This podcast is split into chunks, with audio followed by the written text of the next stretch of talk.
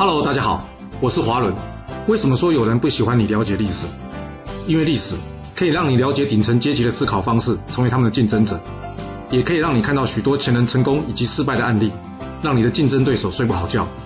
而最重要的是，历史可以让你了解人性。今天的主题是啊，让孙膑活下来的并不是装疯，而是这个东西。我们刚刚在战国第十二集故事中讲到，孙膑装疯卖傻。甚至吃粪便来躲过一劫。那大部分在说这个故事的时候呢，大家会强调的是啊，都是孙膑装疯的这一个部分。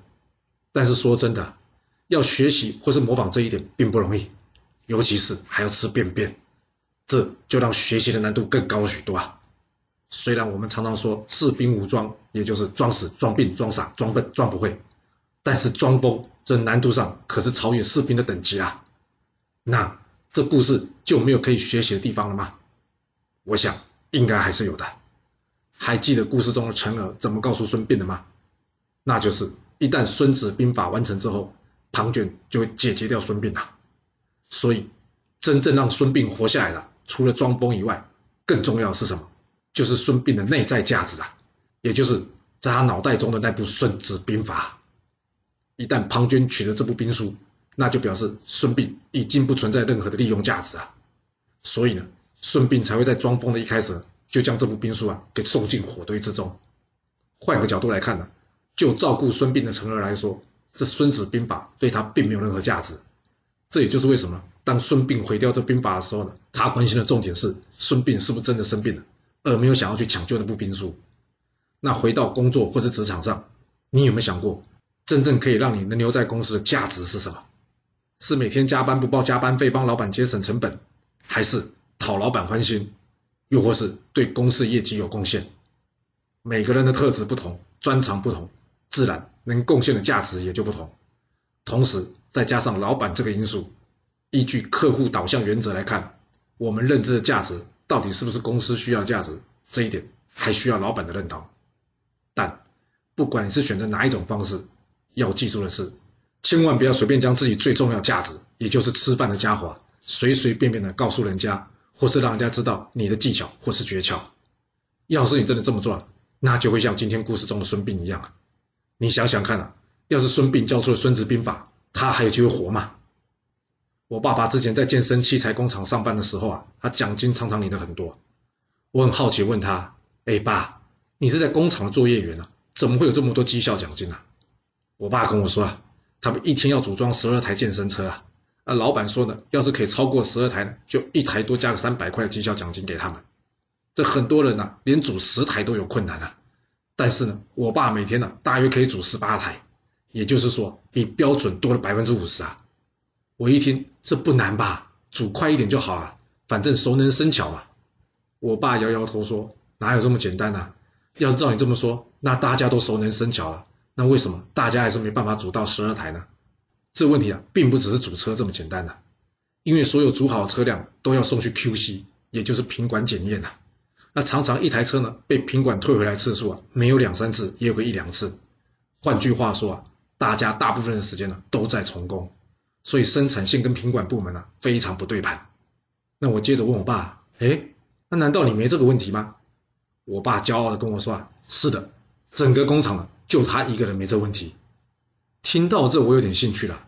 我问我爸：“那你是怎么做到的？”我爸跟我说呢：“他一开始呢也快不了，原因不是因为他不想快，或者说不熟，而是呢他一直在找方法。因为组装这车辆啊，最麻烦的是其中的一个步骤，而每次被退货呢也都是在此，所以呢他花了很多时间去测试。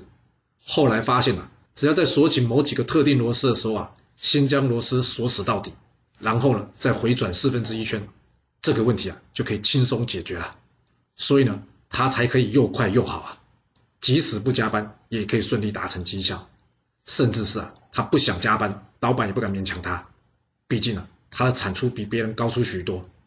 依据他不精确的评估啊，他一天最大的量啊，应该可以做到二十台，不过这样太累了，他也没试过。那我问他，那你主管从来不问你你是怎么做到的吗？他说当然有啊。不但来问了，还在旁边盯着看呢。那我问他，你要如何回答呢？想一想，要是是你主管问你，你该如何回答？一、二、三，好了，公布答案了。答案就是什么？装傻。他告诉主管，哎，他也不知道怎么说呢，因为这就是一种感觉啦。我就是觉得这样子就刚好了，我不知道怎么形容这件事。哎，那主管会那么傻，就相信他这么说的吗？当然不会啊。接下来，这主管呢就盯着他看，看他的感觉是什么东西。那我爸呢就演一演戏啊，让这主管也看不出个所以然来。毕竟呢，这主管不可能一整天都盯着他嘛，他总是会离开的。所以呢，我爸这秘诀呢就保留下来了。我爸爸跟我说啊，这个是吃饭的家伙，不能随便教人啊。一旦教了人呢，就要有不再吃这碗饭的打算了。后来呢，我做了业务的工作，我常常听到我前辈跟我说啊。其实啊，业务非常重视感觉的，他不知道怎么跟我说。每次我听到这句“感觉”，我不知道怎么说，我心里总是会会心的一笑，想起我爸爸的故事啊。是啊，这是人家吃饭的家伙，人家花了多少努力钻研出来的，他为什么交给你啊？所以换个角度来看呢，老板们，你真的认为资深的业务会认真的去帮你带新进的业务人员吗？这不是要他们丢了自己的饭碗？你觉得有多少人会同意？你说是吧？若是您有其他的想法，也欢迎留言分享你的看法给大家哦。好了，我们今天就先说到这。若是你想要知道完整版的故事内容，欢迎您可以到说明栏中找到我爱故事频道的连结。要是你喜欢这个频道，还要麻烦您动动你的手指，点赞、订阅、追踪，或是给我五星评价的支持以及留言分享哦。谢谢您来收听，我们下次再见。